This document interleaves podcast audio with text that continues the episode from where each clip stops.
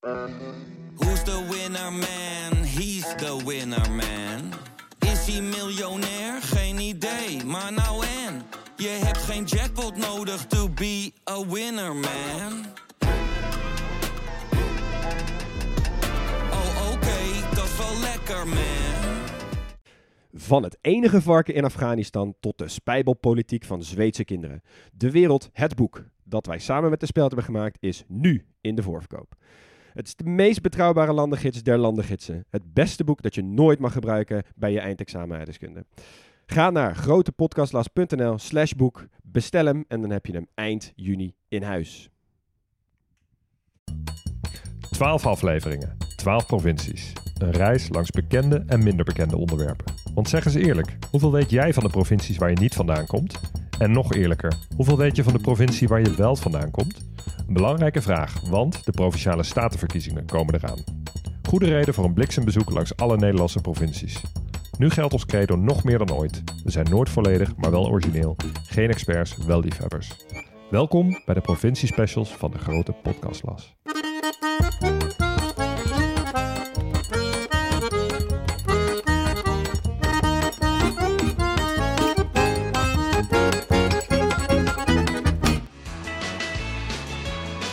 Ja, mooi hè. Du bent aan het luisteren naar de grote podcastlaas. En vandaag gaat het over de schierste provincie van Nederland. En dat is Grun. En waarom gaat er niks boven Grun? Nou, ik je vertellen. We hebben de holle griezen, we hebben en prachtige groene velden zo ver als kiekenkist. We hebben dreuge worst, grunnige kook en natuurlijk naaienbal. En nog veel en veel meer.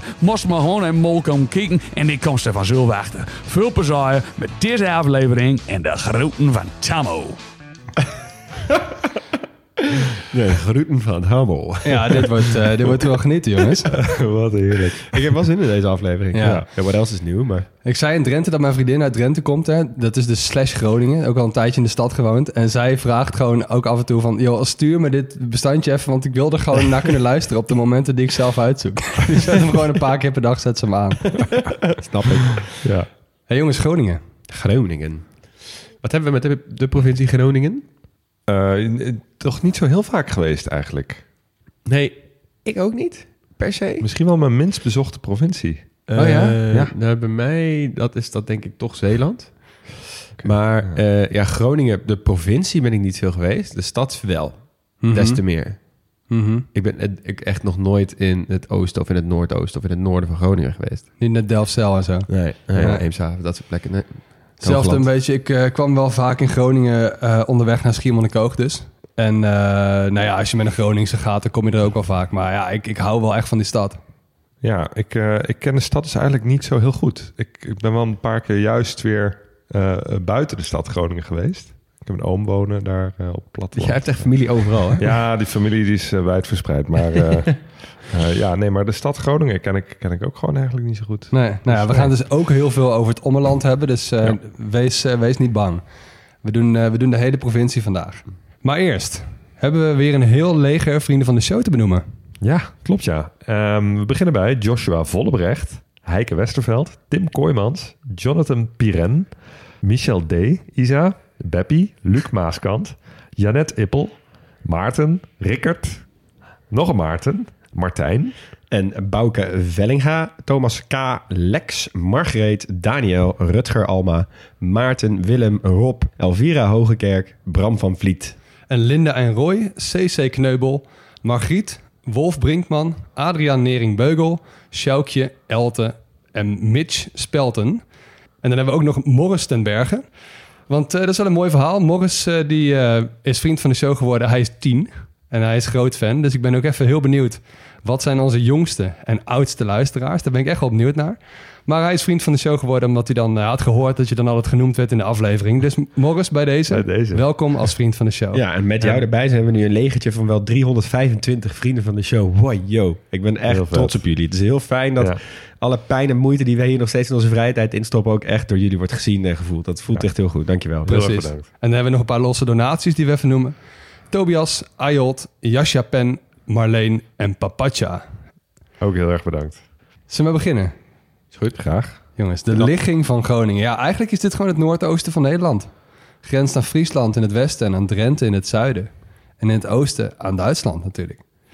Eh, En ze hebben even een paar mooie records. Want het oostelijkste stukje Nederland ligt er. Bij Bad Nieuweschans. En ik verdenk ze er ook gewoon van dat ze daar een heel klein uitstilpuntje Nederland hebben gemaakt. Speciaal voor dit record. Moet je maar even kijken op Google Maps. Een heel klein Ja, stukje. puntje? En daar hebben ze precies dat plaatsje Bad Nieuweschans neergelegd. Eh, ook het noordelijkste puntje Nederland ligt daar. Dus ofwel Rottermerplaat, ofwel de Noordkaap van Nederland. Het is eh, net of je de eilanden mee wil rekenen Ja, of niet. ja. Dus either way hebben ze die eilanden telt ook bij Ja, alleen als je gaat kijken naar de, bewoonste, de bewoonde plek, dan is het gewoon Schiermonnikoog. Ja, Maar goed. Eh, in ieder geval, eh, de oppervlakte, achtste provincie van Nederland. Dus eh, kleiner dan Drenthe. ja Ook wel even mooi om te noteren. Aantal inwoners bijna 600.000. En de hoofdstad natuurlijk Groningen, stad. Daarmee ook de grootste drie steden Groningen zelf. eh, met 190.000 inwoners. En de volgende is Hoge Zand met 21.000. Wow. Dus dat is een groot verschil. Ja. En dan hebben we daarna hebben we alleen nog, eh, nog Veendam. Dat is de top drie. De grootste gemeente is het Hoge Land. Ook zo'n ja, samen, Fusiegemeente. precies, een samenvoeging van Bedum, Uithuizen en, en Winsum. Nou, die zijn tegenwoordig gaan die door het leven als eh, het Hoge Land. Kleinste gemeente Pekela. Zowel oud als nieuw Pekela ligt daarin. Eh, Toch nog de kleinste gemeente. Samen Ja. toch nog de kleinste gemeente. ja. Ehm, het College van Gedeputeerde Staten sinds 2019 is ook wel weer een bondgezelschap. GroenLinks, PvdA, ChristenUnie, VVD, CDA, D66. Oké. Breed. Ja, en de vlag. eh, in het midden heb je een wit kruis met daarin weer een groen kruis. Eh, en de hoeken die je dan overhoudt zijn linksboven en rechtsonder rood. En linksonder en rechtsboven blauw. Ja. Ja. Mooie vlag. Herkenbaar. Echt ja, kijk vet. meteen ook even eh, naar jou, Hug, want eh Ja, nee, ik ben fan. jij bent Ja. fan. Nee, Mooi, maar je bent sowieso wel fan, denk ik, van al deze vlaggen, toch? Sinds Nee, zeker niet van alle Nederlandse provincies. Nee, was er groen en rood en van, van en misschien wel de helft helemaal niet, maar Oh. Deze wel. Vast rubriekje van maken. Mooi. Ja.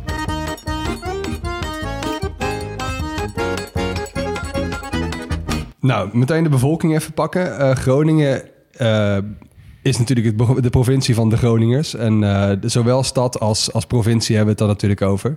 Groningen staat wel vrij hoog op de lijst van hoe trots men al is in die provin- op de provincie. Dat zagen we in Friesland. Dat zien we in Groningen dus ook heel erg. Eh, dus in tegenstelling tot andere provincies is de Groningse in de identiteit er wel eentje waar de meeste inwoners wel iets bij voelen. Dus ik ben even gaan kijken, waar, waar zijn mensen dan trots op? En dan ga ik even beginnen met een voice memo die we hebben gekregen. Van ook de persoon die ehm, ons eh, intro-stukje heeft ingesproken. Dat heeft hij gedaan onder zijn alter ego TikTok Tammo. eh, grootheid in het noorden. Maar hij heet in wezen gewoon Johannes Peetsma. Ook een mede-podcaster. Dus hij maakt zelf ook de top alles. Gaat over bepaal wie je beste vriend is. Hoe bepaal je nou wie er tegenwoordig nog een held is. Al dat soort dingen. Oh ja, ja, ja. Ehm, hij noemt zichzelf ook onder, de, ehm, onder zijn alter ego TikTok Tammo... noemt hij zichzelf een grunfluencer. Ja. Vind ik dan ook mooi. Leuk. We gaan even horen wat, hij, eh, wat hem trots maakt als Groninger. Ja, mooi Johannes hier. Als je aan mij vraagt wat betekent het voor jou om Groningen te zijn, dan is dat toch dat je binnen een mum van tijd altijd de rust kan opzoeken. Ik heb een tijdje in Groningen stad gewoond en ook al was je daar in het centrum, je kunt op je fiets springen en ja, dan gaat een kwartier maximaal fietsen en je bent al op het platteland. Je zit al tussen de weilanden, dus het is altijd binnen handbereik. En ik ben zelf opgegroeid in Midwolda, dat is een eh, dorpje in Oost-Groningen. En daarachter heb je de polders. En daar zijn zelfs plekken waar je zo ver kan kijken dat, dat je eigenlijk alleen maar de horizon ziet. Dus af en toe een boerderij of een boom, maar het, ja, je kunt eindeloos kijken. En dat is, er is zoveel ruimte. Volgens mij vind je dat bijna nergens in Nederland op die manier. Nou, in ieder geval die wijdheid van het landschap dus. Verder, eh, met afstand staat Groningen op nummer 1 als het gaat om trots op de nuchterheid van de bevolking. Ja, vond ik wel mooi, hè? Ja. De nuchtere Groningers. Wat we- best wel een, een titel is die, eh, waar hard om gestreden wordt Ja, in. Nederland. Want, Ja. eh, de, stug en nuchter zijn toch wel eh Ja. bijvoeglijk naamwoorden die provinciale heel sterk aan zich. Zeker in het noorden en in het oosten van Nederland wel, maar bijvoorbeeld in Limburg Zeeland en. Zuid, eh, Zuid-Brabant of eh, Noord-Brabant zie je dat is weer helemaal nee, niet maar in terug. Zeeland wel. In Zeeland Ja. heb je altijd Ja. die nuchtere... Of dus, nee. Wat ik wel een mooie link vond tussen de stad Groningen en de stad Utrecht... en dus ook de provincie eh, Utrecht en Groningen... zijn dat het dus allebei provincies zijn waarvan de hoofdstad dezelfde naam draagt. En dat zijn dus ook net de provincies die het trotst zijn op hun hoofdstad. Dus dat is een mooie link. Oh ja. Dus alles komt een beetje samen in, in de grote hoofdstad... en mensen voelen zich ook verbonden met de stad. Ook daar gaan we weer even luisteren naar wat Johannes voor ons te zeggen heeft. de relatie tussen stad en ommeland is naar mijn weten gewoon helemaal prima. Ik bedoel, er zit niet voor niets in het volkslied de volgende zin. Een pronkjewaal in golden raad is grun stad en ommeland. Dat betekent een pronkjuweel in gouden rand is Groningen stad en ommeland. Veel mensen werken ook in de stad en als er dingen gekocht moeten worden die alleen in grote steden kunt kopen, dan zegt men wie gewoon even nog stad. Want zo noemen mensen het. Groningen stad of dan nog korter stad. Eh, FC Groningen is natuurlijk ook gevestigd in stad. En de hele provincie, stad en ommeland komt in het weekend samen om, om daar de wedstrijden te kijken. En er zullen altijd wel mensen zijn van het platteland die liever niet naar stad gaan. Maar vaak hoor je dat de Leeuwarders zich niet identificeren met de rest van de provincie Friesland. Maar daarvan is in Groningen, naar mijn weten, absoluut geen sprake. Ja, die hele provincie staat achter de stad. Dat Vind ik echt mooi. Vaker. Ja. Ja. ik heb Arjen Robben natuurlijk, hè, bekende... Die heb je even gesproken voor een uh, voor de podcast, een goede vriend van me. Ehm, maar die heeft ook zoiets ooit een keer uitgesproken. Die zei van ja, ik heb me altijd heel gesteund gevoeld door de hele provincie. In tegenstelling tot inderdaad wat je in Friesland hebt, is dat je Leeuwarden en de rest van de Ja. provincie is heel erg uit elkaar gedreven of zo. Cambuur supporters en de anti-Friezen. Ja, ja, dat heb je dus in Groningen worden. absoluut niet. Nee. Nou, dat is wel mooi. Ik, heb, eh, ik had even mijn vriendin nog gevraagd van wat, wat maakt haar nou echt trots als Groningen. En ze zei, ik moet meteen denken aan de herfst, waarin je de, eh, als de wind de goede kant op staat, dat je meteen de geur van de suikerbietenfabriek eh, ruikt. Ah. Dus dat je meteen zo'n soort van weeige geur die dan zijn hele, de hele stad in beslag neemt. En dat je dan meteen ook denkt van oké, dat is precies die geur die ik mis als ik even een tijdje niet in Groningen Ja, ben. precies. Mooi. Dat heb Ja. ik sinds ik niet meer in Utrechtstad woon. Ja, de geur Met, van de eh, Douwe Egbertsfabriek. Nou, dan jongens, eh, verder gaan we even terug naar de geschiedenis. En ehm, als je het over trots hebt, nog een mooi stukje. We gaan even terug naar 1672. Kennen we als? Het, verschrik, het verschrikkelijkste jaar van de Nederlandse geschiedenis? Ja, het rampjaar. Rampjaar, rampjaar. En weten jullie welk gezegde erbij hoort? Ja, eh, shit. Het, eh, de mensen, volgens de mensen waren we verloren. Nou, zoiets. ik weet niet precies hoe die gaat. De mensen, de politiek en de... Ik geef je een, eh, met hangen en wurgen een 5,5. nee, de eens voor. regering was radeloos. Oh ja, oh ja, oh ja, ja. ja. Het volk was redeloos. en het land, En het land was reddeloos. Ja. Nou, het zat zo, de republiek, hè, dus de, de noordelijke Nederlanden... die raakten verwikkeld in twee oorlogen tegelijk. Met de Engelsen op zee en met de Fransen op land. Lodewijk XIV die wilde de natuurlijke grenzen heel erg behouden. Of die wilde eigenlijk natuurlijke re- grenzen voor zijn, voor zijn rijk. En hij vond de Rijn wel wat als noordgrens. Maar toen moest hij dus nog wel een stukje naar het noorden. Nou, belangrijk om te weten, hè, we hebben bij ehm, eh, Noord-Brabant gehad over de zuidelijke Nederlanden. Die stonden toen nog onder invloed van Spanje. Dat was een overblijfsel dus uit de 80-jarige oorlog, uit de, uit de vrede van Münster, die die oorlog beëindigde. Ja. Nou, dus wat deden die Fransen? Ze gingen om de zuidelijke Nederlanden heen. Dus ze gingen aanvallen vanuit het oosten. Met hulp van de bisdommen Keulen en Münster. En die van Münster, die werd aangevoerd door Christoph Bernhard von Galen. Ehm, zij wilden dus van het oosten en het noorden een, een, een deel maken, zeg maar. Dus ze trokken daar naar binnen. Eh, dat noemen we de Tweede Münsterse Oorlog. Oh, Nou, van gehoord. Ik ook niet. en wat maakt dit nou voor, eh, voor Groningen? Dat is wel mooi. Ehm, ze boekten op zich wel successen die kant op. Eh, maar bijvoorbeeld eh, een, een vestingstad Boertangen kregen ze niet in handen. Eh, en ook Groningen zou moeilijk worden. Want de stad was goed voorbereid. Had een hele brede gracht aangelegd. En ook stadswallen. Die kun je nu nog zien bijvoorbeeld in Noorderplantsoen in Groningenstad. Eh, en die verdediging die was strategisch. Was hij er echt eentje uit het boekje. Dus hoofdpersoon daarvan was Karel Rabenhaupt. Die was niet bang om een groot deel van het ommeland van de stad Groningen onder water te zetten. Hebben we die tactiek weer? Ja, het is echt, het echt Beetje een handelsmerk geworden van Nederland. ja, een blauwe lijn door de geschiedenis. Ja, mooi, mooi gezegd.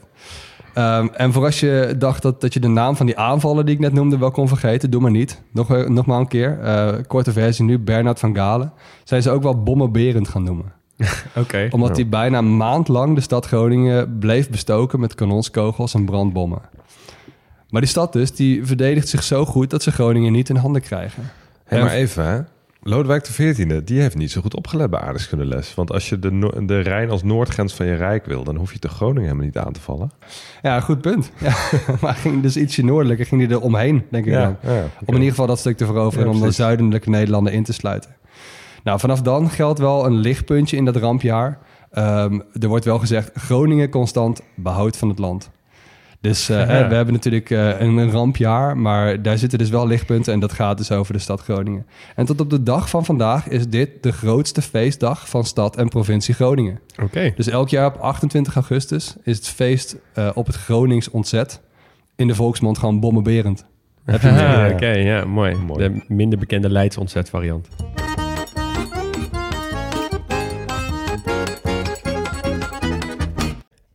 Stop de podcast, want onze sponsor van vandaag is niets of niemand minder dan de Philips Sonicare. Jazeker, de elektrische tandenborstel van Philips. Maar wel eentje die er poetst en ook zo uitziet. Want eh, de borstels van deze Philips Sonicare zijn ovaal en langwerpig en die bewegen heen en weer net als bij een normale tandenborstel.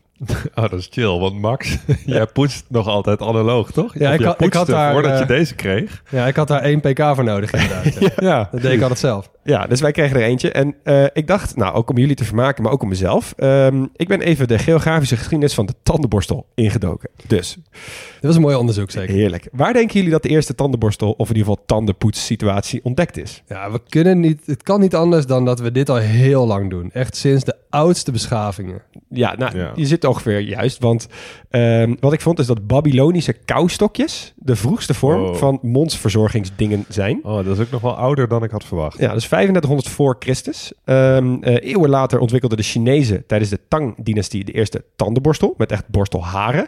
Eh, en die innovatie die heeft Europa bereikt via de zijderoute, dus de klassieke variant, en werd uiteindelijk in Frankrijk gespot rond het jaar 1560. Dan skippen we even vooruit naar ehm, de Brit William Addis. Want die zat in 1770 in de cel. En die zag een gevangenisbewaarder met zijn bezem de grond schrobben. En die dacht, hé, hey, wacht eens even. Dit kan je ook met je mond doen. Dus eh, hij heeft toen een eh, borstel gemaakt door varkensharen aan een bot te bevestigen. En toen hij vrijkwam, is dit de eerste tandenborstel die massaal werd geproduceerd en algemeen beschikbaar was voor meer mensen. Dus hij wordt een beetje gezien als de vader van de tandenborstel zoals wij die kennen. Shout-out William Addis. ja.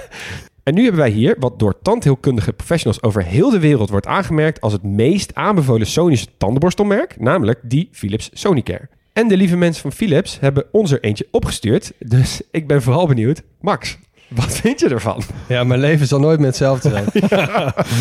nee, eer- ja, eerlijk, ik deed dit altijd zelf. Dus ik poetste altijd zelf. En ik heb ook wel elektrische gehad. En dan merkte ik dat ik die beweging nog steeds zelf aan het maken was. Ja, Maar dit is een heel goede combinatie van beide. Want ik hou me gewoon mijn borstel stil. ja, Maar dat ding poetst voor me. ja. Dit is, ja, Ja. Ja, voor mij is het ook wel een uitkomst. Want ik, ik poets al wel een tijdje elektrisch. Met een beetje pijn in mijn hart. Ik heb altijd een beetje heimwee gehad naar analoog poetsen. En ik was ook echt weer toe aan een nieuwe borstel. Dus ik vond het echt super chill dat we er gewoon in opge, opgestuurd krijgen. Ik voel me ook als echt een zieke influencer. Ben je ook?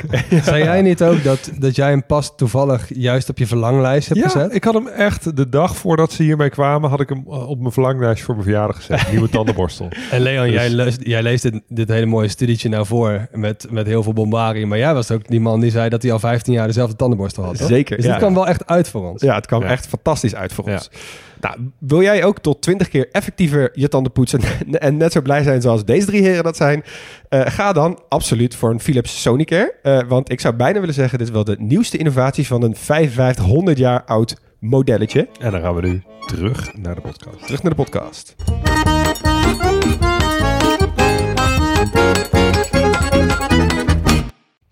Stop de podcast. Je vakantiegeld komt eraan, dus het is tijd om jouw reis te boeken. En onze sponsor van vandaag heeft een dikke kortingscode. En die sponsor van vandaag is Sawadi, niemand minder. Dit is een reisorganisatie en vakanties zijn natuurlijk duur, dus dit aanbod is extra interessant deze tijd. Ik vind dat altijd een mooie organisatie, Sawadi. Ja, ja ik ook wel. En Ja. ze bieden verschillende soorten eh, groepsreizen aan.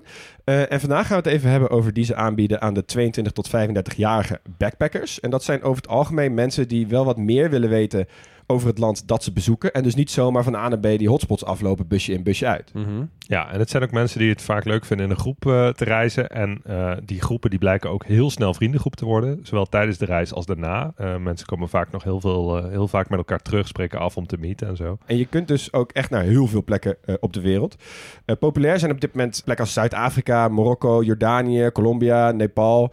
Eh, maar bijvoorbeeld ook plekken die normaal gesproken niet altijd makkelijk te bereizen zijn voor, ik zeg maar wat, alleen reizende vrouwen. En dat zijn dan bijvoorbeeld plekken als India. Ja, en ze werken natuurlijk samen met lokale organisaties, niet met de grotere hotelketens. Eh, ze eten bij locals, eh, lopen rond met mensen die heel veel kennis hebben over de lokale gang van zaken. En daar komt de kortingscode om de hoek kijken. Want als je nu een 22 tot 35ers reis boekt, krijg je 100 euro korting met de code TGP100. En die code is geldig van 1 mei tot 16 juni. Ja, dus je moet wel een beetje op tijd boeken. Maar hey, 100 euro korting op zo'n reis. moet je zou kijken dat- wat je er allemaal mee kan Ik doen. zou dan toch altijd even proberen om DGP 200 in Ja, te voeren. ja, ja, Maar ja, ja. ik misschien. Ja. Ja, ik- Anyway, 100 is ook al super mooi. Zeker. En bij Sawadee, het reizen is heel makkelijk. Er is heel veel keuze en het is dus ook heel gezellig. Sawadee, met wie ga jij op reis? Terug naar de podcast.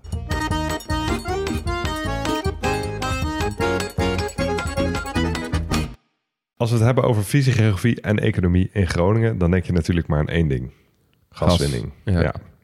Ehm, maar eerst even, hoe is dat gas nou eigenlijk in de Groningse bodem gekomen? Hoe is dat ontstaan? Aardgas ontstaat meestal uit afgestorven organisch materiaal dat zich op de zeebodem ophoopt, net als aardolie. Leel, jij hebt dat geloof ik eerder uitgelegd bij een, eh, een eerdere aflevering. Ja, goede vraag. Ik, heb het, ik heb het uitgelegd. ik wist echt niet meer welke. Maar Nee. goed, het gas in Groningen ehm, is op een andere manier ontstaan. Eh, dat is namelijk gebeurd door organisch materiaal in een moerasgebied, dus op land. Tijdens een periode die we het carboon noemen, dat is ongeveer 300, jaar, 300 miljoen jaar geleden, lag Nederland rond de Evenaar in een tropisch klimaat. Dus het was er heel warm, heel nat. Ehm, en het afgestorven organisch materiaal van planten en bomen ehm, stapelt zich op en belandt daardoor al heel snel onder de grondwaterspiegel. Nou, dan ontstaat veen, zoals we dat in de rente hebben gezien bijvoorbeeld.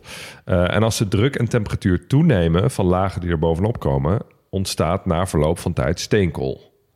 In heel Nederland ligt daarom een dik pakket steenkool onder de grond. Op de meeste plekken ligt er zoveel sediment bovenop intussen dat je er niet goed bij kan. Dat die steenkool zo diep ligt dat je het niet echt kan winnen. Ja. De enige plek waar dat wel kan is In Limburg. Limburg. Ja. Maar bij de vorming van steenkool ontstaat ook wat aardgas. En dat aardgas dat is lichter, dat probeert zich een weg, een weg omhoog eh, eh, te zoeken door het gesteente. En als er direct boven de laag met steenkool een poreuze laag gesteente zit, bijvoorbeeld zandsteen, en daarboven weer een laag gesteente waar het juist niet doorheen kan, dan blijft het aardgas daaronder gevangen zitten in het zandsteen. In een soort bel. In een soort bel. En als Ja, die, ja. die lagen zich dan zodanig plooien dat de, de ondoorlatende laag bovenop een bol dakje vormt, dan krijg je daaronder een mooi aardgasveld. En dat is precies wat er onder de bodem in Groningen is gebeurd. Dus op zo'n drie kilometer diepte, net boven die steenkoollaag, zit in een zandsteenlaag verpakt het grootste aardgasveld van Europa. Dus het is echt een enorm aardgasveld. En in tegenstelling tot steenkool kun je gas best wel makkelijk winnen vanaf die diepte. Want je hoeft maar te boren en het komt er door de druk eigenlijk vanzelf uit. Ja. Aardgas zit dus op dezelfde manier in de grond als grondwater. Dus niet in één grote holte, maar in allemaal kleine eh, ruimtetjes binnen een, een, st- een moedergesteente. Ehm, als je het je moeilijk kan voorstellen hoe dat kan, dan moet je een keer eh, een droog stuk zandsteen in een bakje water leggen en kijken hoeveel belletjes er ontstaan. Dus die steen die, die voelt dan heel massief, maar intussen is hij toch zo poreus als een spons. Ah, Zo Oké, moet je dat ja. een beetje ja, ja, ja. Mhm. Ik ga het nu even live voor jullie demonstreren. Wat gebeurt er allemaal in deze afleveringen? On record?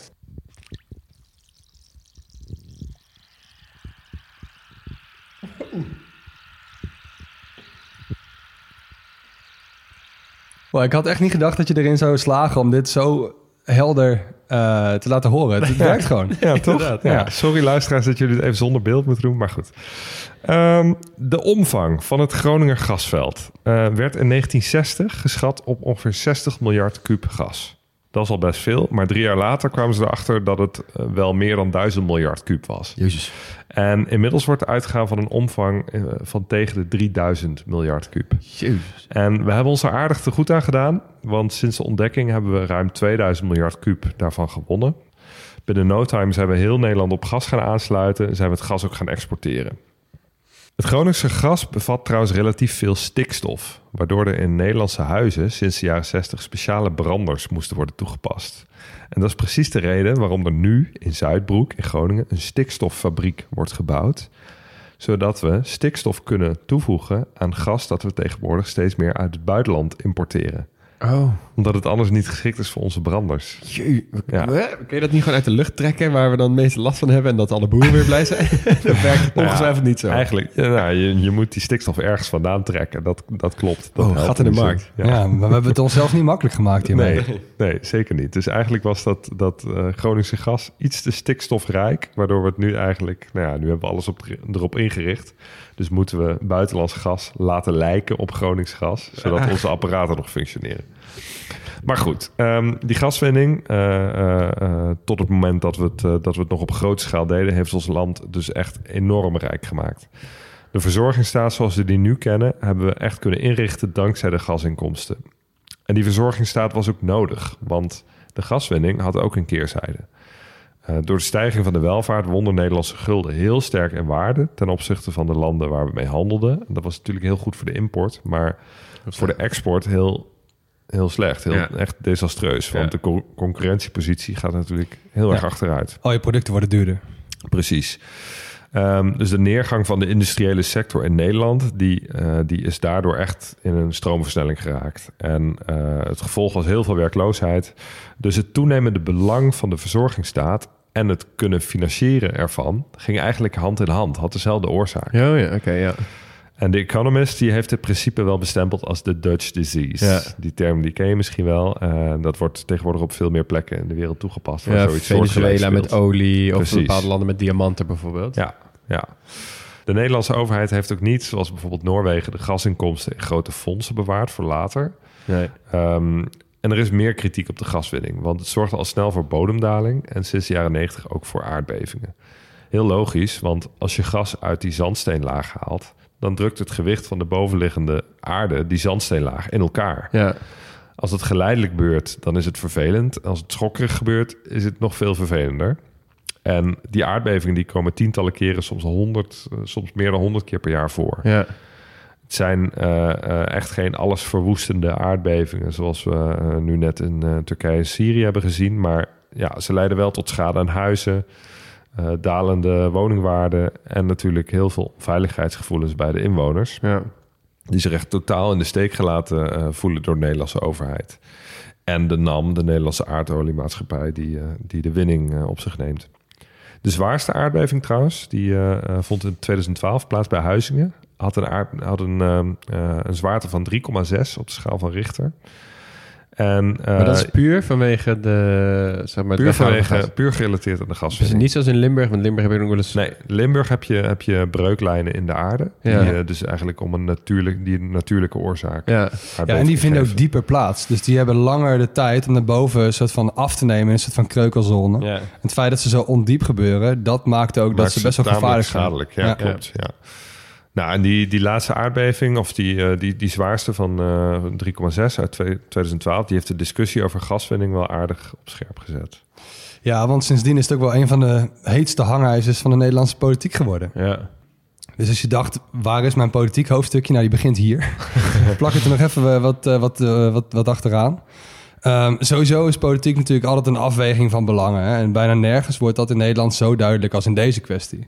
Je hebt het economische belang, dat we al decennia lang merken, versus eh, het belang van de omwonenden. Ja. En dan heb ik het nog niet eens over de natuurschade die hierdoor eh, door, doorkomt. Eigenlijk kun je het samenvatten tot twee kwesties die tegelijkertijd spelen. Eerste is, gaat die gaskraan dicht en op welke termijn? Tweede is voor de schade die er al is, eh, die ook gewoon doorgaat als we ermee stoppen. Dat we het al even eh, gezegd hebben. Ook als we er gewoon stoppen, dan, dan blijven die aardbevingen nog wel na, na weeën, zeg maar. Ja. Dus die blijven nog wel doorgaan. Hoe gaan we die mensen compenseren? Dat is de tweede vraag. Ja. Nou, voor die eerste vraag, hè, van wanneer gaat die gaskraan dicht? Daarvan kan in ieder geval worden gezegd dat het afbouwen al in een vrij vergevoerd stadium is. Dus het hoogtepunt van het boren was in de jaren 70 en jaren 80. Toen is het een tijd minder geweest, met een kleine opleving in de jaren na de kredietcrisis. En nu is het tot een nulpunt gedaald. Dat moest ook wel, eh, want er is natuurlijk veel meer maatschappelijke urgentie nu om zo snel mogelijk over te gaan tot sluiting. Want er zijn ook steeds zwaardere bevingen die optreden. En tegenwoordig staat hij op een waakvlam eh, om in noodsituaties nog te kunnen winnen. En die noodsituatie, die, die, ja, die, die diende zich precies nu afgelopen jaar aan. Ja. Met Oekraïne natuurlijk. Waarin voor de, ja, er wordt nu voor de toekomst wordt het natuurlijk wel steeds belangrijker dat geopolitiek steeds meer met energie te maken gaat hebben.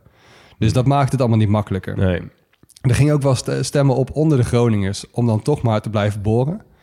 83% van de Groningers vindt ook dat we moeten stoppen met Russisch gas. Dus het is echt een duivels dilemma Ja. waar ze in zitten. Ja, ja. Nou, dan even dat tweede deel van die compensatie. Eh, daar is de belangenafweging een stuk eenzijdiger. Ehm, veel partijen waren er al wel vroeg bij, hè? ook in combinatie met het streven naar minder afhankelijkheid van überhaupt fossiele brandstoffen. En andere, vooral rechtsere partijen, die zijn tegen wil en dank toch overstag gegaan. En bijna alle partijen vinden tegenwoordig dat we moeten stoppen met het Groningse gas. Ja. Desalniettemin zijn er nog wel niet nader te noemen bedrijven die bijvoorbeeld laatst hebben geopperd om maar gewoon weer te starten met boren in bijvoorbeeld de Waddenzee. Ja, Ja. ja, dan, Ja, knettergek, als je mij dus vraagt. Daar wonen dan geen mensen, maar Nee. goed. Nee, maar goed, die compensatie, eh, die wordt dan wel weer bemoeilijkt door de onhandigheid van de Nederlandse bureaucratie. Eh dat werd begin vorig jaar wel duidelijk toen de, door de Rijksoverheid, de provincie en betrokken gemeenten subsidie beschikbaar werd gesteld aan huiseigenaren voor preventieve verbouwingen. Om de huizen beter uit te rusten tegen die, eh, tegen die schokken. Ja. Dus even een kleine rekensom. Eh, het aantal mensen dat daarvoor in aanmerking kwam was 50.000 mensen. Het maximale bedrag was 10.000 euro per, per huis. Eh, het totale pot met geld was 300 miljoen. Oh. Dus dan mis je dus 200 miljoen. Ja. Nou, en dan krijg je dus tafereelen van een soort van loterij... waarbij heel veel mensen gewoon urenlang in de rijen zijn gaan staan... digitaal en fysiek, om maar als eerste aan de beurt te komen. Jeez. Dus uiteindelijk is daar ook lang niet iedereen mee geholpen. Nee. En dit soort dingen, nou ja, Maar neem je mensen toch ook niet serieus? Want ik kan me best wel voorstellen, ook maatschappelijk gezien. Kijk, het is niet zo alsof dat geld in die regio werd gepompt of zo. Hmm. Dat is natuurlijk wat je zegt. En de status, eh, de, hè, de verzorgingsstatus Nee. ermee opgebouwd. Nou, er zijn wel We meer dingen. heel weinig terug naar Ja, Groningen. het voelt heel ja. weinig terug naar die regio zelf. Dus ik kan me echt Ja. heel goed voorstellen dat als je daar woont en je hebt er zelf last van en je Ja. ziet vervolgens weinig terugkomen, Ja. dat je best wel boos wordt. Afgelopen Goed jaar met ja. de oudejaarsconferentie was eh, van Claudia de Breij en die trad ook op in Groningen. En die zei dus inderdaad precies dit: van als je kijkt naar hoeveel eh, Nederland heeft gehad, economisch gezien, aan eh, het Groningse gas en hoe weinig daarvan is teruggevloeid naar die provincie of die regio, dat is echt onthutsend. Ja. Nou, ondanks alles proberen de Groningers er, eh, er wel echt het beste van te maken. En ehm, in mijn ogen wordt dat best geïllustreerd door dit nummertje, waarvan de eh, clip is opgenomen op een gaswinningslocatie. Eh, het is van, eh, van de groep Wat Aans en het nummer heet Trilplot. Gooi die schouders in mijn ronder en de mod het lukt. Dus naar de plan om gedocht de barrel op te jut. Maar om te trillen tot de beeld nu de boksen schudden. Ah, let mijn hand hier wil door. Ik hoop maar dat ze stilstoot. Ik wil er zo'n schudden op die trilploot. Ik wil er zo'n schudden op die trilploot. Ja, het is een soort humoristische aanklacht eh, tegen de stereotypering van Groningen als aardbevingsgebied. En ik vind het ook wel echt een lekker nummertje. Zeer, ja. Ja. Eh, tot slot, ik heb het eigenlijk vooral over het, deel van Groningen gehad dat zich onder de grond bevindt. Eh, boven de grond is natuurlijk ook heel veel moois, maar landschappelijk word ik er persoonlijk wat minder warm van. Ik, ik hou heel veel van bossen en glooiing. En ja, dan zijn er gewoon andere provincies waar je eerder naartoe gaat dan, eh, dan Groningen. Eh, het Lauwersmeer is natuurlijk wel echt een heel bijzonder natuurgebied. Als je een keer naar Schiermonnikoog gaat en je eh, vertrekt vanaf Lauwersoog... Kijk zeker even in de omgeving daar.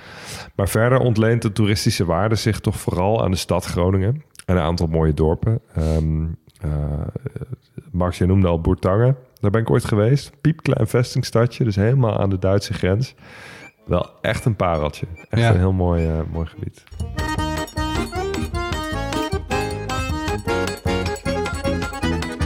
Ja, dan komen we weer bij het lastigste hoofdstukje, als je het mij vraagt, in deze provincie specials. Ehm, we hebben een beetje het New York-syndroom, denk ik dan altijd. Want er is zoveel qua kunst en cultuur en, eh, en eh, keuken en sport en zo. Ja, je moet echt zo hard snoeien in je eigen verhaal de hele dag. Ja. Aan jou om een grote glimlach op ons hoofd te tekenen. Ja, en dus ik begin eigenlijk al met de kunst, de kleinkunst dan eigenlijk. Ze hebben eh, heel veel cabaret. Scherpte zit echt in de genen. Denk aan eh Freek de Jonge, Bertje Visser, eh Arjen Lubach, Arjen, niet Arjan. Knoop dat in je oren. Ehm, maar eigenlijk wil ik even inzoomen op iemand anders... die een hele grote stempel heeft gedrukt op het Nederlands tv- en radioleven. Iemand denk ik van voor onze tijd, maar misschien dat we de naam wel kennen. Ik heb het over Wim T. Schippers. Ja. Ik zie Max al met zijn wenkbrauw omhoog. Nou, ik moet eerlijk zeggen, ik kende de naam wel, maar waarvan wist ik niet precies. Ik denk dat jullie VPRO-ouders eh, hier eh, heel blij mee zijn. Ja, Eh, die zullen ze wel kennen, ja. die zullen hem ongetwijfeld wel kennen, want het is echt een alleskunner. Hij is een schrijver, regisseur, acteur en dus een radio- en tv-maker, maar ook een kunstenaar. En veel fragmenten uit zijn werk zijn echt legendarisch geworden. Eh, een aantal voorbeelden. Hij heeft als eerste een model naakte krant laten lezen eh, en op tv. En was toen de eerste naakte vrouw op televisie. Dat leidde tot eh, heel veel kamervragen en opzeggingen van dit maatschap, eh, van de VPRO.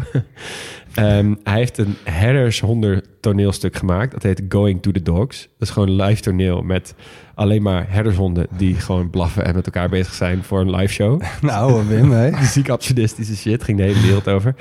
Eh, en een show uit 1972 waarin hij in één keer koningin Juliana tegenkomt die eh, spruitjes aan het schoonmaken is en iets vertelt over het leven zeg maar als koningin. Dat werd echt toen de tijd was dat heel heftig voor Ja. majesteitsschennis en ook weer heel veel vragen over. Het is wel heel vrijzinnig protestants. Ja, en het, wat ik het leuke vind hiervan is dat de VPRO heeft altijd gezegd: ja, wij steunen hem. Weet je wel, terwijl ze hebben echt de een na de andere afzegging gehad.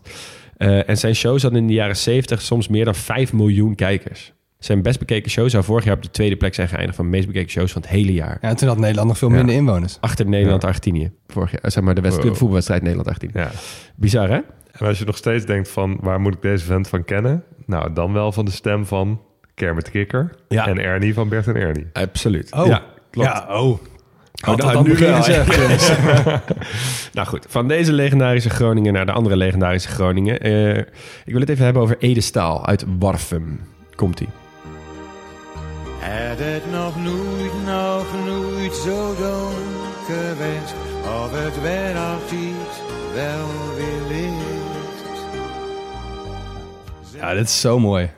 Ja, dit is het nummer. Het is nog nooit zo donker geweest uit 1983. Ehm, het nummer gaat dus over een oud koppel dat hun hele leven samen heeft gewoond en kort na elkaar overlijdt. Dat is heel mooi. Eh, ze hebben, op een gegeven moment waren de Groningers erachter dat het niet in de top 2000 stond. Toen hebben ze een korte campagne gevoerd en nu staat het onafgebroken, best wel hoog ook, zeg maar ergens in de top 400, 500 in de top 2000. Daar wil ik ook echt een lijstje van zien. Van die nummers die dan gewoon door zo'n campagne ineens omhoog schoten in die, in die lijstjes. Ja, ja. Ja. hij is eh, helaas genoeg niet zo heel oud geworden, 44. Eh, hij eh, had longkanker.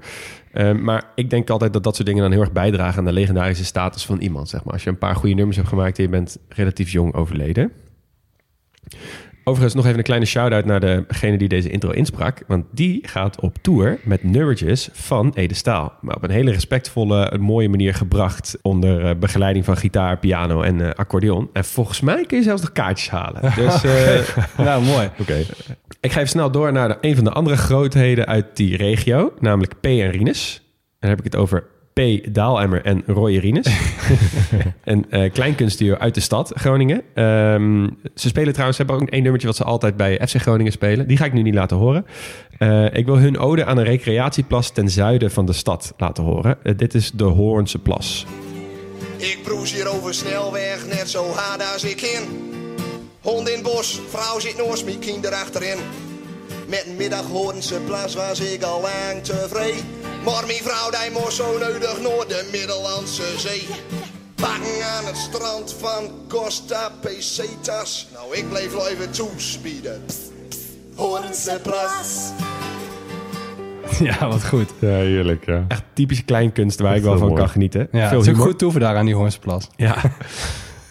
Ehm, Oké, nou ga ik het muziekstukje afsluiten. Max, jij hebt in ehm, eh, Noord-Brabant had je al even eh, Nightwish laten horen. We hebben al wat meer eh, gekke uithoekjes van de muzikale geschiedenis gezien. Maar we gaan nu even naar een van mijn lievelingsartiesten aller tijden. En misschien wereldwijd wel de allerbekendste Groningse muziekgroep. Ook Oh. aller tijden. Veel zin in. Zij werken, het is een trio. Zij werkten samen met Prodigy, Deadmau5, Moby, Skrillex en bijvoorbeeld Robbie Williams. En nog vele anderen. Ze maakten muziek voor films, games en vooral voor mij. En heb ik het over? Nooit ja. Zeker.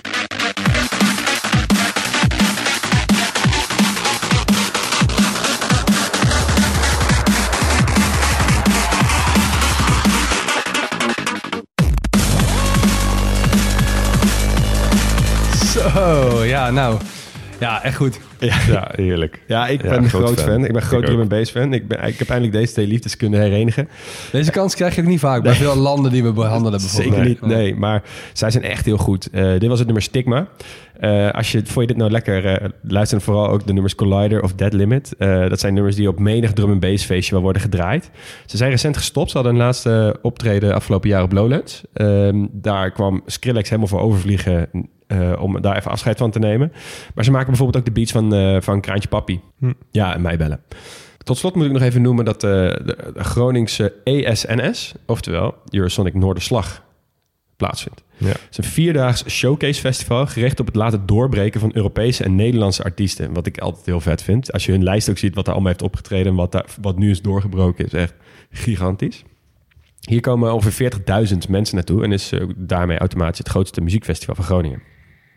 Dan naar de sport. En dit is altijd het, lijstje waarin je moet snoeien. Dus wie hebben eh, het, het einde niet gehaald? Eh, bijvoorbeeld een Bauke Mollema. Dankjewel voor al je dingen, maar ik ga het niet over je hebben. Hetzelfde geldt voor Marianne Timmer, Martin Drent, Ranomi Kromowi Jojo. Helaas, geen van hen bespreken we vandaag. Eh, ik heb twee verhalen voor jullie. Eentje van een eenling en eentje van een team. Waarmee zou ik beginnen? Begin maar met eh eenling. Begin ik met het eenling. Ik begin met een excentriekeling. Eh, heel veel mensen zullen hem kennen. Ik denk niet dat jullie hem kennen. Ik ken hem in ieder geval niet. Eh, hij is officieel geen Groningen, want hij is geboren in Friesland. Maar hij is opgegroeid in Groningen en hij is drie keer Gronings kampioen geworden. Hij speelde piano, bridge, schaken, maar vooral dammen. En ik heb het over Jannes van der Wal. Ja, Ja, die ken je wel? zeker. Heb ik ooit een hele mooie andere tijden sportaflevering Nou, die heb ik dus ook zitten kijken. Ja. Dat was echt prachtig. Sowieso een tipje. Zetten we wel even op de website. Ik ga even bier halen, jongens. Eh, Ja, nee, dat is niet, want jij moet het verhaal aanhoren. ja, dat is waar. Kom maar. Nou, hij was eh, best wel vaak een Nederlands kampioen eh, dammen en eh, ook eh, individueel kampioen snel dammen bijvoorbeeld. Eh, en hij werd op zijn 26e wereldkampioen in 1982 in Sao Paulo. Dammen dus, hebben we het nog steeds over. Zijn allergrootste prestatie. Eh, en toen hij terugkwam, was hij in één keer in één klap populair en beroemd in Nederland. En toen moest hij op komen treden bij Mies Bouwman.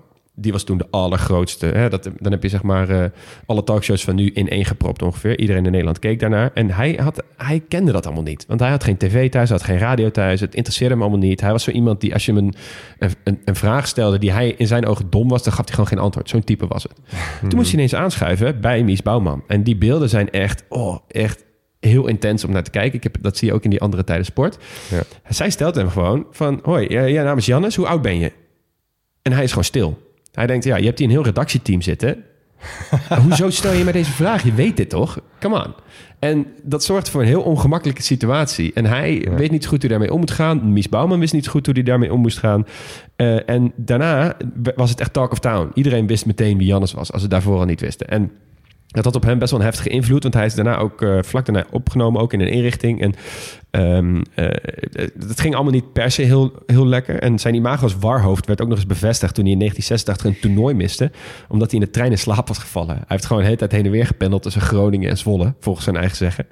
Ehm, eh, en, maar hij is uiteindelijk wel vaker teruggekomen op tv. Hij heeft eh, nog eh geplaybacked in de Showbiz Quiz. Hij heeft nog bij Spijkertijd van Jack Spijkerman... heeft hij nog een potje drinkschaken gespeeld, bijvoorbeeld.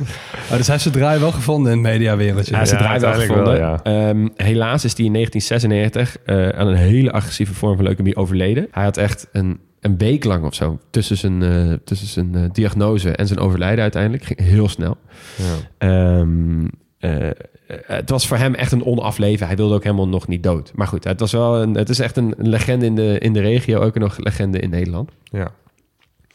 Nou, dan wil ik het eh, vervolgens hebben over eh, de, de grootste zaalsportclub van Nederland. In ieder geval qua publiek. En dan heb ik het over een sport die we in Nederland nog niet hebben behandeld. Namelijk basketbal. Ja. In Groningen heb je Donar.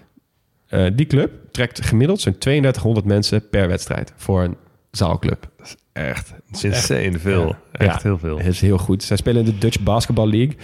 Eh, ze hebben best wel eh, ze zijn een paar keer kampioen geworden, een paar keer bekertje gewonnen. En in Europa zijn ze een keertje heel ver gekomen. Of ja, heel ver.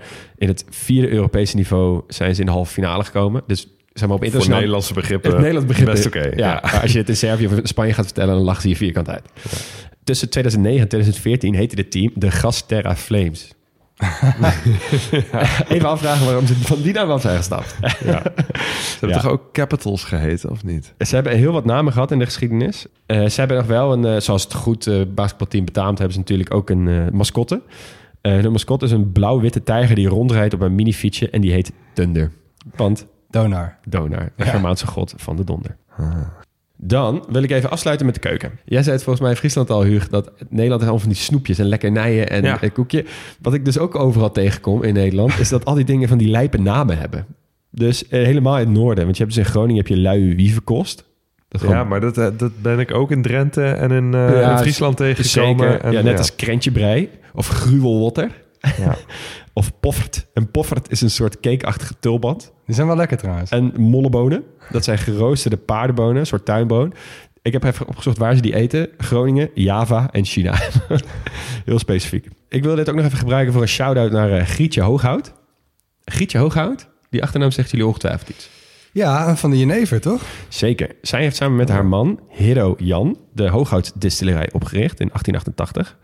Maar Hero Jan die overleed al in 1898. En toen heeft zij ongeveer eigenhandig, van de bronnen die ik las, die distillerij naar de Europese supertop gebracht. Door gewoon door te gaan, te innoveren, nieuwe dingen te maken en gewoon niet bang te zijn voor het hele, wat in die tijd best wel knap was als vrouw, eh, alleen. Eh, ehm, eh, en gewoon wel echt best wel dikke successen geboekt. Ehm, veel nieuwe recepten en veel nieuwe flessen op de markt te brengen. En je kunt op dit moment nog steeds, als je in de stad Groningen staat, heel groot hooghout op de gebouwen zien staan. Ja. Maar we gaan afsluiten met natuurlijk één ding en het kan niet anders. De trots van het noorden. Als je zegt Groningen, dan zeg je deze snack. ja, de eierbal. De eierbal. Ehm, Ja. Ik heb er nog nooit een gegeten. Ik ook niet. En toen we dit voor de aflevering vertelden aan Max, keek hij ons echt aan alsof we hem net hadden verteld dat de wereld in de fik stond. Ja, nee, niet per se. Maar ja, ik, het is wel echt een hele regionale snack. Dus eh, nou ja, misschien moet je even uitleggen, wat, wat is het eigenlijk, de eierbal? Ja, het, het zit best wel een beetje in de naam op zich. Het lijkt van buiten op een enorme bitterbal. eh, maar van binnen heb je een soort knapperig, wat ik heb gelezen, knapperig jasje van een laagje ragout. En daarin zit dan een heel of een half ei. Klopt het ongeveer? Ja, ik heb hem nog nooit met een half ei gezien, maar ik geloof je wel meteen. Vast. En het lijkt me zo groot als dit een heel ei is. Ja, is het ook wel. Maar het is, ja, het is, het is een grote snack relatief. Ja. Ja. Ja. Nou, in Groningen zijn ze overal, in, in de stad en in omland. Eh, maar in de rest van het land zie je ze zelden. Eh dit heeft te maken met de geschiedenis, maar ook omdat eh, dingen als frikandellen en kroketten en kaasvlees kun je gewoon invriezen in pakketten en die kun je gewoon het hele land doorsturen. Maar een ei kun je niet invriezen, want die wordt die textuur helemaal lijp van. Dus ja, je moet een ei wel eigenlijk altijd vers maken. Ja. En die, dat, die geschiedenis, of in ieder geval die traditie, zit in de rest van Nederland niet. Maar hier moeten we echt even bij stilstaan, want dit vind ik echt een waanzinnig feitje. Ja. Ik bedoel, in een tijd dat, dat keukens en regio's en alles steeds meer op elkaar gaan lijken en je alles overal kan vinden. Ja. Hoe geniaal is het dan dat, dat de natuur gewoon verboden heeft om die dingen in te vriezen en dat ze daarom niet hier in de, in, in de snackbars liggen? Ja. Nee, ja, precies is ook wel de reden dat iemand wij die- het nog niet gegeten hebben. Er is wel een snackbar die heeft hier een, eh, een, eh, een, een, een remedie voor bedacht. Hè? Wat dan? Ja, die hebben een, dat een snackbar in Groningen, die hebben een, eh, een soort mal gemaakt van twee kanten. Die kun je invriezen. Dan moet je er alleen thuis even nog een eitje in doen. Oh, slim. ja, overigens claimen de Limburgers dat zij ook een eierbal hebben. Die noemen ze het frietei. Eh en je hebt ook nog geen... ze denken ook dat het uit Engeland komt over. Waar daar heet het een Scotch egg. Maar goed, er zijn allemaal varianten daarop. Ehm, in Groningen zijn helemaal lijp hierop. Je hebt het eh, Eierbalfestival, NK Eierbal eten. En ei- Eierbal heeft zelfs een vermelding gekregen op de UNESCO-lijst voor immaterieel erfgoed. Trotse lui. Maar onze podcast heeft een bijzondere link met de Eierbal. Eh, en nu wil ik even iemand in het zonnetje zetten die jullie normaal nooit horen. Namelijk onze boy Jonas van Impen. Hij wordt elke aflevering genoemd, maar hij, hij stapt gewoon uit de schaduw. Precies. Want, nu komt het. Hij heeft de grootste eierbal ooit ter wereld gemaakt. Ik heb hem zelf gevraagd of hij dat even kon uitleggen. En hier heb je een stukje van Jonas. Hey mannen, zeg je Groningen, dan zeg je natuurlijk de eierbal. In mijn ogen is dit de perfecte snack voor na het stappen of wanneer je gewoon zin hebt in een goede snack. Als ode aan deze prachtige snack heb ik samen met een goede vriend van mij de grootste eierbal ooit proberen te maken. Dit is uiteindelijk gelukt. We hebben een eierbal gefabriceerd van maar liefst 4,3 kilo en met een omtrek van 73 centimeter. Om deze gigantische eierbal te maken hebben we een eh struisvogel-ei gebruikt. Deze hebben we een paar uur eh, laten koken. En daaromheen hebben we een flinke laag ragout gemaakt.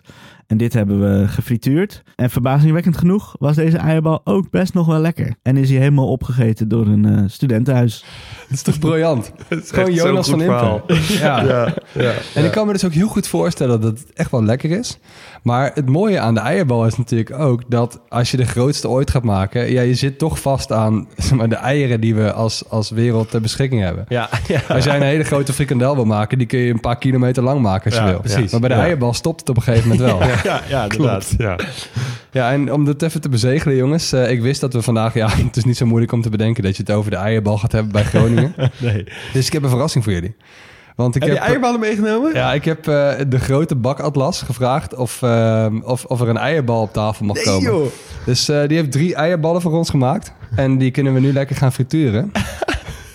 en dan krijgen jullie ontmaagding.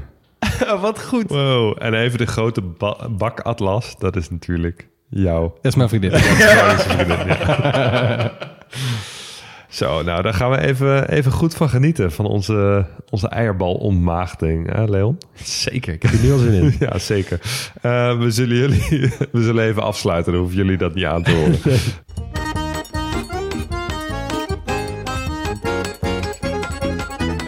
Jongens, einde aflevering. Waar gaan we heen als wij een dag zouden zijn in de provincie Groningen? Eh goeie vraag. Ehm, eh, ik ga denk ik ergens heen wat we eigenlijk helemaal niet benoemd hebben. En wat misschien ook niet altijd even leuk is. Ehm, maar ik wil wel een keer naar Ter Apel. Oh ja. Ik wil dat wel eens gewoon met mijn eigen ogen zien. Hoe dat daar gaat met die, eh, hè, met die asielaanvragen en al die vluchtelingen die daar aankomen. En wat voor impact dat ook heeft in de regio en in het dorp. Ja. Ja. Eh, want eh, het is heel makkelijk, denk ik, om in de rest van Nederland maar te zeggen dat, ze, ja, dat, dat het daar allemaal goed gaat of zo. Maar ja, als je het nooit met je eigen ogen hebt gezien, ik ben daar wel heel benieuwd naar. Sommige dingen moet je niet te veel over lezen, moet je gewoon heen. Ja, precies. Ja. Goed? Ja. Huug? Ja, ik ga naar de stad. Want ja, zoals ik eerder zei, ik ken die stad gewoon niet zo goed. Wat, Winschoten? Stadskanaal?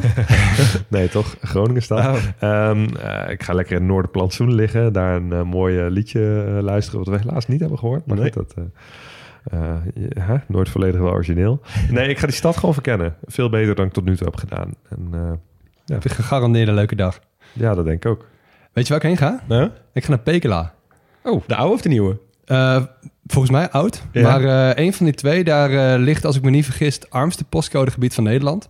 En ik weet, daar wordt altijd heel, eh beetje, wat jij ook zegt, Leon, er werd altijd een beetje negatief over geschreven. Ja. Maar ik heb ook wel veel artikelen gelezen dat mensen dus daarheen gaan en erachter komen van, hé, hey, dat Pekela is helemaal zo gek nog niet. Ja. ja, ik weet dat Geen Stijl heeft daar ooit een keer een filmpje opgenomen. En daardoor, daar hebben ze volgens mij nog steeds tussen aan steeds last van. Omdat ze het een beetje belachelijk maken. Nou, dan ben ik het om dat weer een beetje recht te trekken. Ja, mooi. Eh, volgens mij is daar, eh, nou ja, staat best wel bol van de gemeenschapszin. Eh, het is echt allemaal nog niet zo slecht, dus ik ga dat met eigen ogen zien, denk ik. nice.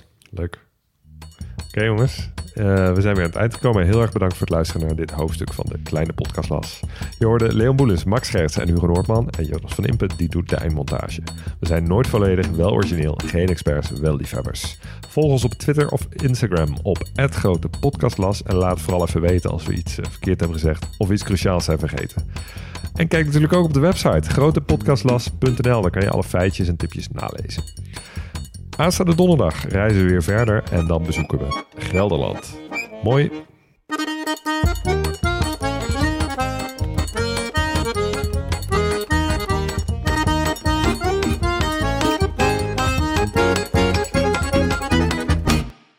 Yo, luisteraar. Luister je nog steeds? Klasse, man. Je hebt er gewoon helemaal afgeluisterd. Nou, nu je tot hier bent gekomen, koop dan ook gelijk even ons boek, hè. grotepodcastlas.nl slash boek. Doei!